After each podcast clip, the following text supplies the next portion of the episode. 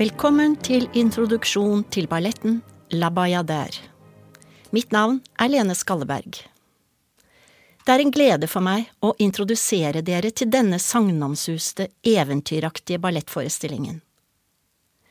Scenekunstnere skal fortelle en historie, tolke en stemning, tolke musikk og gi publikum en opplevelse. Vi klarer, forhåpentligvis, å skape engasjement både positivt og noen ganger kritisk, følelsesmessig og tankemessig. Scenekunst er lag på lag, historisk og komplekst med hensyn til nasjonaliteter og stedsopprinnelse.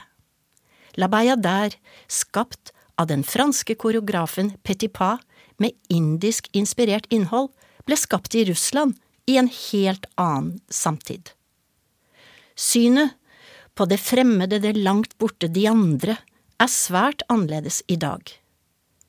Vi ser på kunst, opera, musikk, malerier, litteratur, skulpturer og balletter, skapt i en annen tid som vår kulturarv, som har vært med på å utvikle oss til å skape ny kunst i dag, og til å gi oss evne til å danne våre meninger og gi oss opplevelser med denne kunnskapen. Det er flere grunner til at La Bayadère har blitt den sagnomsuste klassikeren den er.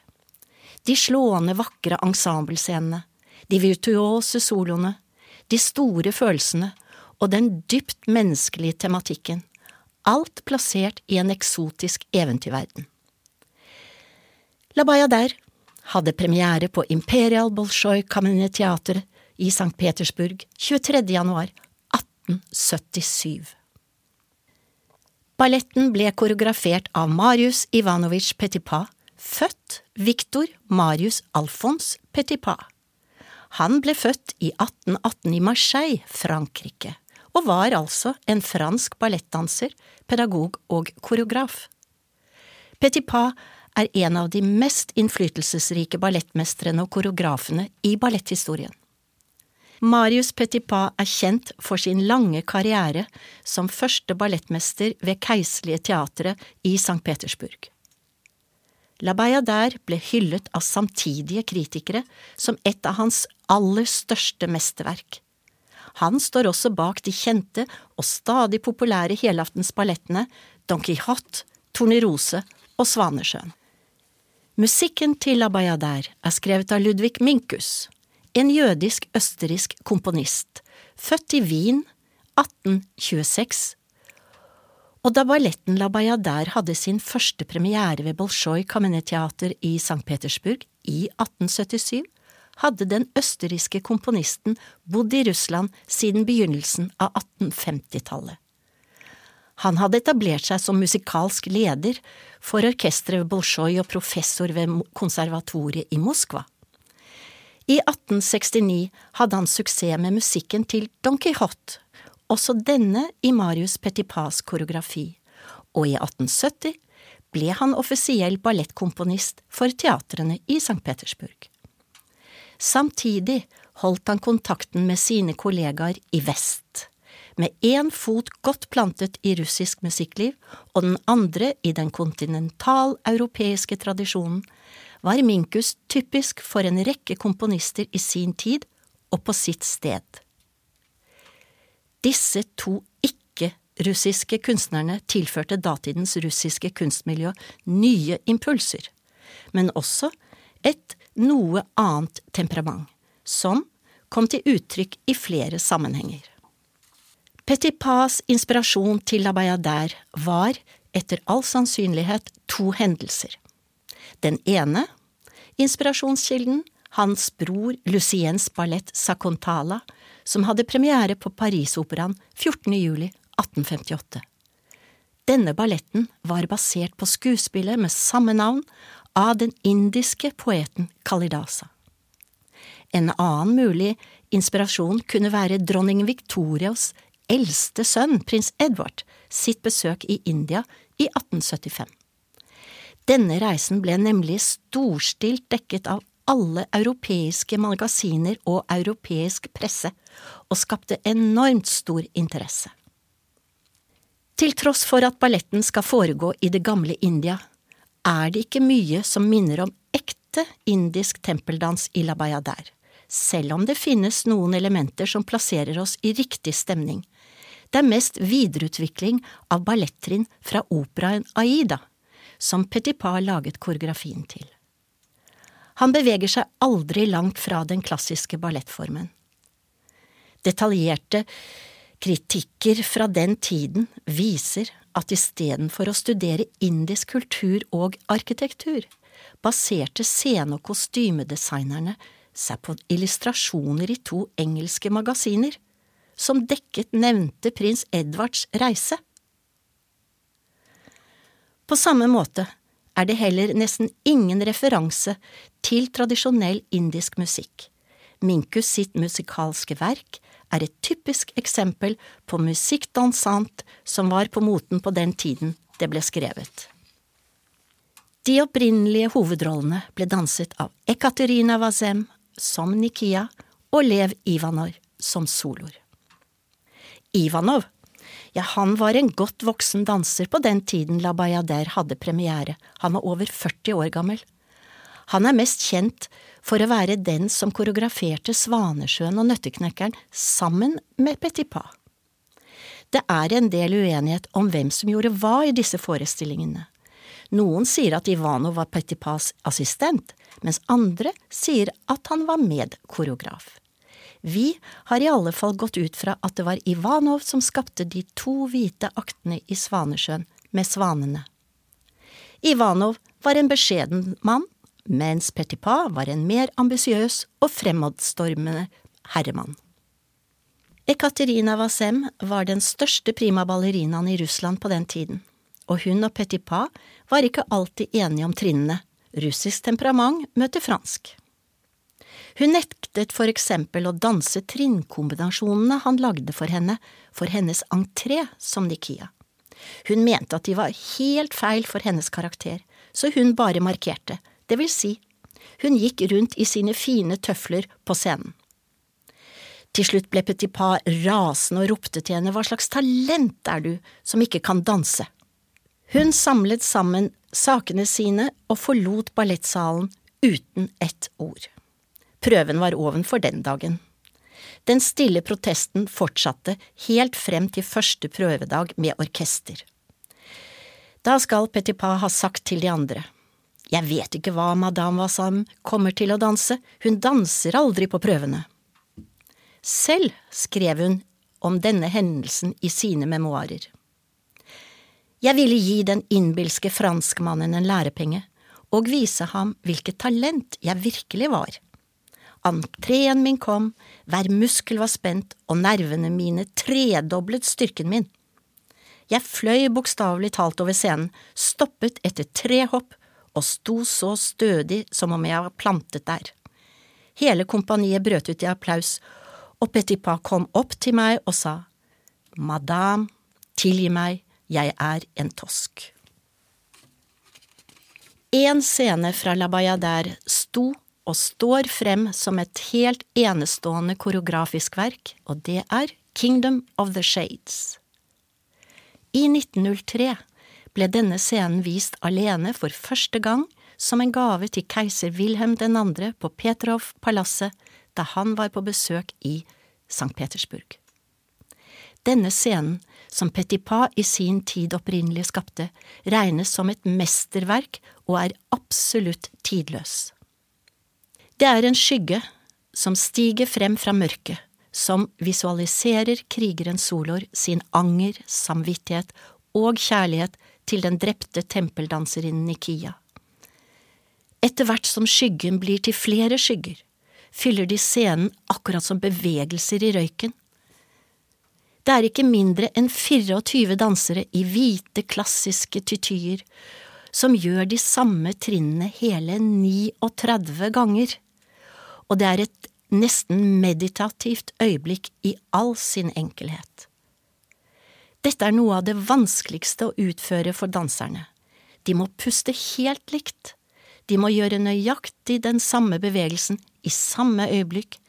Det må være pust og bevegelse i ett. Dette krever enormt mye forarbeide og et voldsomt fokus i øyeblikket.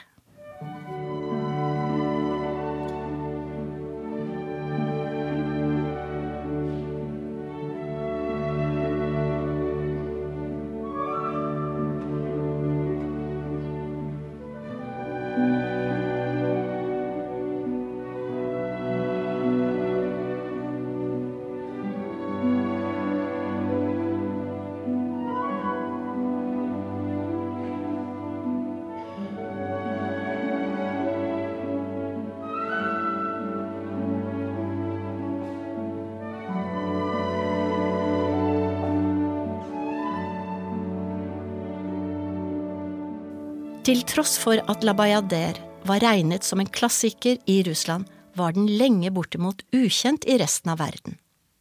Anna Pavlova gjorde et forsøk på å iscenesette drømmescenen Kingdom of the Shades med sitt ballettkompani i 1920, uten suksess.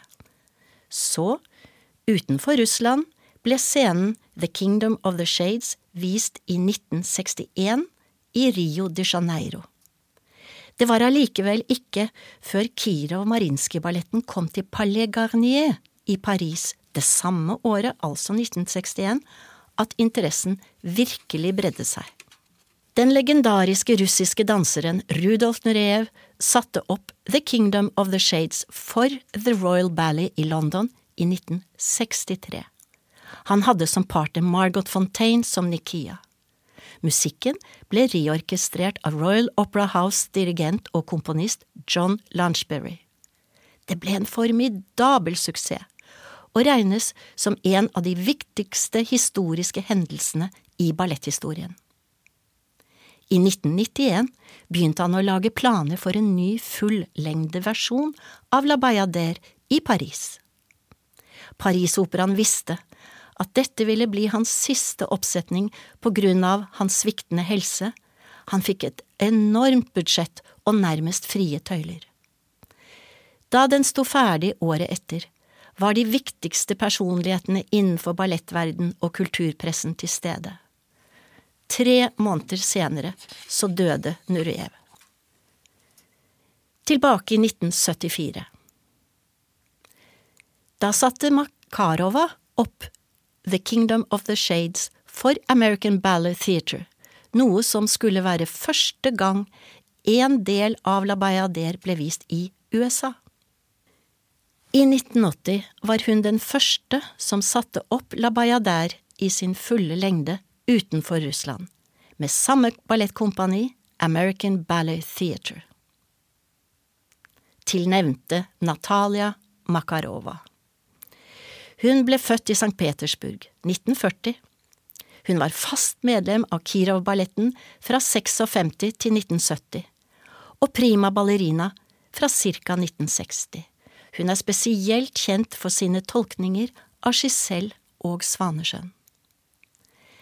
Vi var midt i den kalde krigen, og Russland tillot ikke sine borgere å forlate landet uten at de var i et godkjent følge, og de som reiste ut, ble nøye overvåket. Alle kunstarter opplevde sensur under sovjettiden, også ballett. Man fikk kun vise tradisjonelle, konservative kunstuttrykk. Forfattere som motsatte seg dette, ja, de ble fengslet. Under en turné med Kirov-balletten i London søkte den berømte russiske danseren om politisk asyl 4. september 1970. Hun var den aller første ballerinaen som gjorde det. Det var en modig avgjørelse. Man ble stemplet som kriminell, og det skulle ta nesten 19 år før hun så hjembyen, moren og hjemlandet sitt igjen. Hun sier selv at det er den mest alvorlige beslutningen hun har tatt i sitt liv, men hun ville være fri til å danse som hun ville, fri til å uttrykke seg som hun ville, og jobbe med hvem hun ville. De mest kjente avhopperne innenfor ballettverden er Rudolf Nurejev, som kom til Vesten i 1961 etter en dramatisk flukt fra flyplassen i Paris, og Baryshnikov, som kom i 1974. Avhopperne fra Sovjet skulle tilføre Vestens koreografer og dansere nye impulser og muligheter for uttrykk. Makarova dro tilbake til Russland for første gang i 1989, etter at Gorbatsjov hadde åpnet mer for Vesten gjennom Glasnost og sto igjen på scenen i Kirov-balletten. Som den første etter å ha hoppet av, ble Makarova et bemerkelsesverdig symbol på Glasnost. Opptredenen var samtidig slutten på en utrolig dansekarriere, for etter forestillingen pensjonerte hun seg som danser. Ballettskoene og kostymene donerte hun til Kirov-museet, og ringen var sluttet, sa hun selv. Vi går tilbake til forestillingen La Bayadère. Da Makarova satte opp sin helaftens versjon, ville hun gjenopprette Petipa sin historie den han hadde laget i 1877, og den hun husket fra barndommen, med en apokalypse på slutten. Den hadde ikke eksistert siden den russiske revolusjonen. I Marinskij-versjonen endte nemlig balletten med scenen The Kingdom of the Shades. Makarova mente at balletten dermed manglet en skikkelig slutt. Hun gjenskapte den siste akten og inspirasjonen fant hun i det kjente maleriet The Last Day of Pompeii av den russiske maleren Karl Bryov. Og dermed så gjenforente hun også de to hovedrollene Nikia og Solor i en bedre verden. Hun hadde ingen mulighet for å få hjelp fra Russland i forskningsarbeidet, men fant en del materiale i Harvard sitt arkiv hvor gamle kritikker var samlet. De beskrev de tapte scenene godt, så sammen med sin egen hukommelse oppnådde hun det hun ønsket, nemlig å trekke publikum inn i historien, så de kunne få en emosjonell opplevelse, ikke bare bli underholdt. Dette er Makarova veldig opptatt av, hun sier selv. Klassisk ballett er en levende kunstform, og hver generasjon må bringe sine spesielle egenskaper som gjenspeiler tiden de lever i, men tradisjon og kvalitet må stå side om side. Kun da vil klassisk ballett blomstre. Hvis man bare danser trinnene, mister man en kunstnerisk og åndelig dimensjon. Premieren var i 1980 på Metropolitan Opera House i New York, og ble til og med vist live på TV. Siden har La Bayadère blitt danset over hele verden. Versjonen dere får se i kveld, ble skapt av henne for The Royal Ballet i 1986. De fantastiske kostymene i Makaroes sitt verk, tegnet av Yolanda Sonnabend, er fremdeles en blanding av tradisjonelle tytyr og indisk inspirerte plagg. I Pierre Luigi Samaritani sin scenografi er Gustav Doré sin illustrasjon for Dantes Paradiso inspirasjonen til den siste scenen i La Bayadère, hvor Nikia og Solor møtes i evigheten. Den harde jobben med iscenesettelsen her i Oslo for Nasjonalballetten i 2019 ble gjort av Olga Evreinov. Koreografen Marius Petipa vendte i sin tid stadig blikket vestover for å være oppdatert på ballettens utvikling i Paris og London. Men verken Petipa eller komponist Minkus reiste østover. Det trengte de ikke. I likhet med en rekke andre kunstnere på slutten av 1800-tallet levde Østen i deres forestillinger, i sinnet og på scenen. Fra Napoleons invasjon av Egypt i 1798 og gjennom hele det 19. århundre hadde drømmen om Østens til dels ukjente verden vært en dominerende trend, ikke bare i russisk kunstnerliv, men også i store deler av det sentraleuropeiske. Man kan nesten ikke snakke om La Bayadère uten å snakke om synet på det fremmede, det som var langt der borte. Det var den gang en økende fascinasjon for alt som var eksotisk, fremmed og eventyrlig, og man så det i kunsten og moten. Orientekspressen var populær, Britiske skip fraktet spente passasjerer østover, selv om de aldri kom så langt som til India, Kina eller Japan på den tiden. Og vi har alle lest bøker og sett filmer fra Agatha Christies forfatterskap som forteller om denne annerledes verden, for lesere i ettertiden. De første indiske tempeldanserne Vesten så, var i 1838, da en gruppe turnerte over hele Europa. Det ble da skapt en oppfatning av en annerledes og fargelik og mystisk verden. De mest kjente operaforestillinger som fremdeles gleder publikum over hele verden, er satt til fremmede himmelstrøk. Den italienske komponisten Verdis opera Aida var satt i Egypt. Franske Bisset skapte den spanske Carmen. Italienske Puccini skapte japanske Madama Butterfly. Og den franske Petit Pas skapte sin indiske ballett La Bayadere fra Russland. En rekke andre balletter er satt til den orientalske verden, og ikke minst Nøtterknekkerens drømmeakt, som de fleste vil kjenne, hvor Klara opplever en masse spennende og eksotiske ting fra en annen verden. Ingen av de nevnte store kunstskaperne skal ha vært i de landene de skapte verk fra, og det sier oss i dag mye om datidens tolkning av det ukjente. Det er derfor verdt å ha med seg når man ser La Bayadère, at det er en del av en større kulturhistorisk sammenheng, og at balletten er skapt i 1877. Det foregår en internasjonal debatt i operahus rundt i Europa om hvordan man i dag ser på kunst skapt i en annen tid. Det diskuteres om denne balletten og andre klassikere fremdeles har sin rettmessige plass i repertoaret. Hvilke øyne skal man se på disse verkene med? Har de noe å gi dagens publikum? Vel, det er der kunsten alltid vil være gjenstand for debatt, både gjennom kunstens frihet, tolkning og styrke. For å sitere ballettsjef Ingrid Lorentzen. Når vi diskuterer dette, er jeg en av de som mener at å ikke sette opp forestillinger, la bayadère i dette tilfellet, ikke er svaret. Svaret etter min mening er å være fremoverlent og å skape nye verk som står opp mot de gamle. Jeg vil heller bruke vår kraft til å skape verk for fremtida, fremfor å redigere fortida. Sitat slutt. La Bayadère betyr tempeldanseren. I forestillingen får vi oppleve evig kjærlighet, mysterier, skjebnen, hevn og til slutt rettferdighet.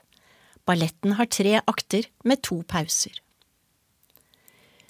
Teppet går opp, og vi får se krigerne som kommer tilbake fra den store tigerjakten og møter Solor, den nobleste krigeren i landet. Han ber om å få være alene for å be ved den hellige ild, men da krigerne har dratt, møter han lederfakir Magdaveya og ber ham om å få til et møte med bayaderen Nikia. De blir avbrutt av at prestene og den høye Brahmin kommer. Den høye Brahmin gir Magdaveya ordre om å samle resten av fakirene for å klargjøre den hellige ild til den kommende feiringen.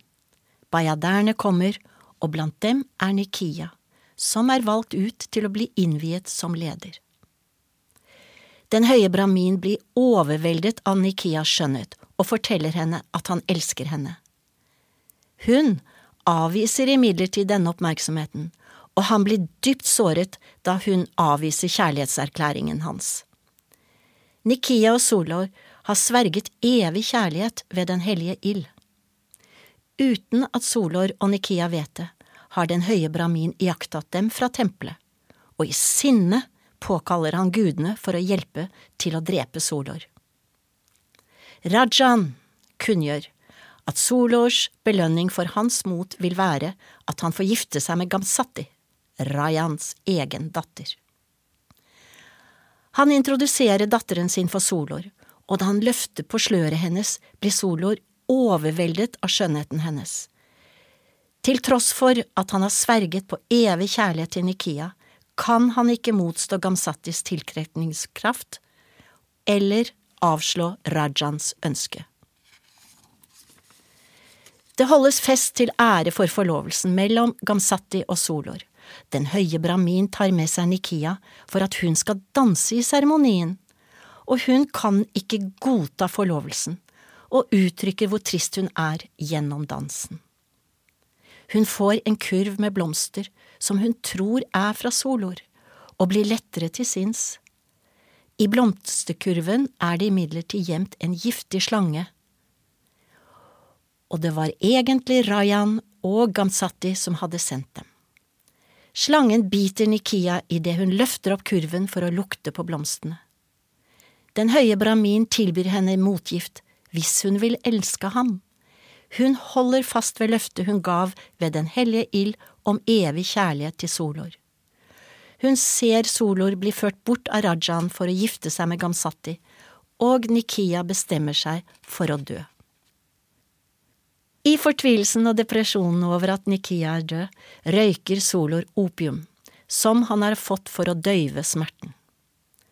Solor hallusinerer og maner frem et bilde av den døde Nikia, som dukker opp i scenen The Kingdom of the Shades, og skyggen av henne mangedobles i Solors skinn ved hjelp av de mange ballettdanserne. I skyggen av den store buddhaen danser et bronseidol, mens den høye brahmin og prestene gjør seg klare for bryllupet mellom Gamsati og Solor.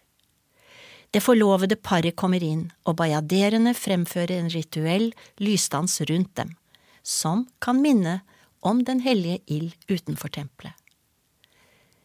Mens krigerne kommer inn i Solors telt for å gjøre ham klar til bryllupet med Gamsati, fortsetter synet av Nikia, som bare han kan se, og hjemsøke og forvirre ham.